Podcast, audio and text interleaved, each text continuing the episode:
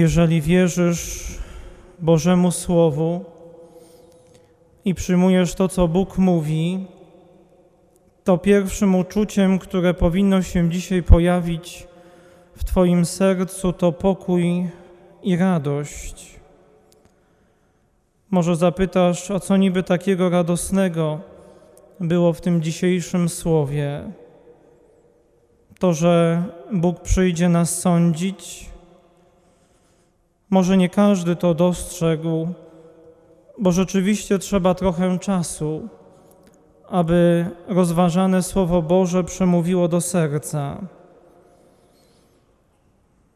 Ja zatrzymałem się nad jednym w zasadzie zdaniem, które naprawdę podnosi na duchu, bo przypomniałem sobie, jaki naprawdę jest Bóg. To zdanie z pierwszego czytania księgi proroka Ezechiela. To mówi Pan Bóg. Oto ja sam będę szukał moich owiec i będę miał o nie pieczę. Żeby zrozumieć to zdanie, trzeba najpierw poznać szerszy kontekst. Dlaczego to jedno zdanie, a może nawet jedno słowo, może zmienić Twoje i moje życie? Kiedy Bóg powołał proroka Ezechiela, trwała niewola babilońska. I o ile pod względem materialnym życie w tej niewoli, w odróżnieniu od tej egipskiej, stawało się z dnia na dzień mniej uciążliwe, a nawet można powiedzieć, że było to życie dostatnie, każdy mógł normalnie pracować, nawet dorobić się wielu rzeczy. Nikt zewnętrznie nikogo nie prześladował. Można było naprawdę swobodnie żyć. Prawdziwy problem leżał gdzie indziej. Naród izraelski nie rozumiał, dlaczego znaleźli się w tej niewoli. Nie widzieli swoich grzechów, ich serce stwardniało. Zapomnieli o Bogu, który tyle razy wybawiał ich z opresji. I mimo takiego stanu rzeczy, takiego wielkiego zła, kiedy człowiek odwraca się od Boga, kiedy zawiedzie innych, Bóg się od nich nie odwrócił, ale bierze sprawy w swoje ręce. Bóg mówi: Ja sam będę szukał moich owiec, bo ci, którzy mieli sprawować władzę, zawiedli. Ci, którzy mieli być pasterzami dla ludu, przestali dawać dobry przykład i owce się pogubiły. Ile to razy zawiedliśmy się na kimś w swoim życiu? Ktoś, kto miał być dla nas oparciem, pomocą, z kim mieliśmy nawet wspólnie iść przez życie, mówił nawet, że kocha, niestety zawiódł. Tak niestety dzieje się często, kiedy człowiek odwraca się od Boga, bo wtedy traci prawdziwy wzór tej miłości i kiedy ostatecznie wyrzuci go ze swojego serca, wtedy zaczyna widzieć w drugim człowieku wroga. Moi drodzy, ale to jedno zdanie, to jedno słowo, ja sam będę szukał, może zmienić naprawdę wiele, kiedy jest tak naprawdę źle, kiedy wszyscy Cię zawiodą, to Bóg się o Ciebie zatroszczy.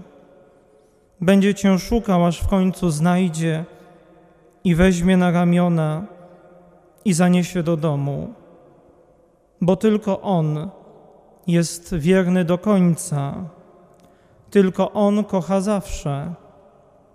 Taki jest nasz Bóg. On nigdy nie odwraca się od człowieka, ale to zawsze my. A może lepiej powiedzieć, to zawsze ja. Bo łatwiej nam mówić o innych, ale już nie o sobie. I myślę, że ta dzisiejsza Ewangelia jest nam również bardzo potrzebna, aby zrobić rachunek sumienia, bo nasze postępowanie, nasze czyny wobec drugiego człowieka najpełniej pokazują, jacy jesteśmy. Czy potrafimy w drugim człowieku zobaczyć brata, siostrę, a przez nich samego Chrystusa? Rzeczywiście jest to bardzo trudne, ale ta trudność wynika z tego samego powodu, co wcześniej, kiedy człowiek odwraca się od Boga i stawia siebie w Jego miejsce, widzi tylko czubek własnego nosa, nie widzi już nikogo. To zaczęło się już w raju, kiedy Adam i Ewa nie posłuchali Boga, ale poszli za głosem złego, który doprowadził ich do grzechu. I skutki tamtego wydarzenia, tej jednej decyzji, niesiemy my wszyscy. To niestety może spotkać każdego z nas, bo jesteśmy słabi. Należymy przecież do kościoła grzeszników, nie inaczej. Ale dopóki walczysz, dopóki szukasz Boga i prosisz o Jego pomoc, to zwyciężysz w sobie każdy grzech. I mimo własnych problemów będziesz zdolna, będziesz zdolny do miłosierdzia. Taki jest Jezus, nasz król, bogaty w miłosierdzie. Bądźmy do Niego podobni. Zakończę to rozważanie bardzo aktualną modlitwą. Panie Jezu Chryste, Ty, który jesteś naszym pokojem, Ty, który zburzyłeś rozdzielający ludzi mur, wrogość. Ty, który ludzi dalekich czynisz bliskimi.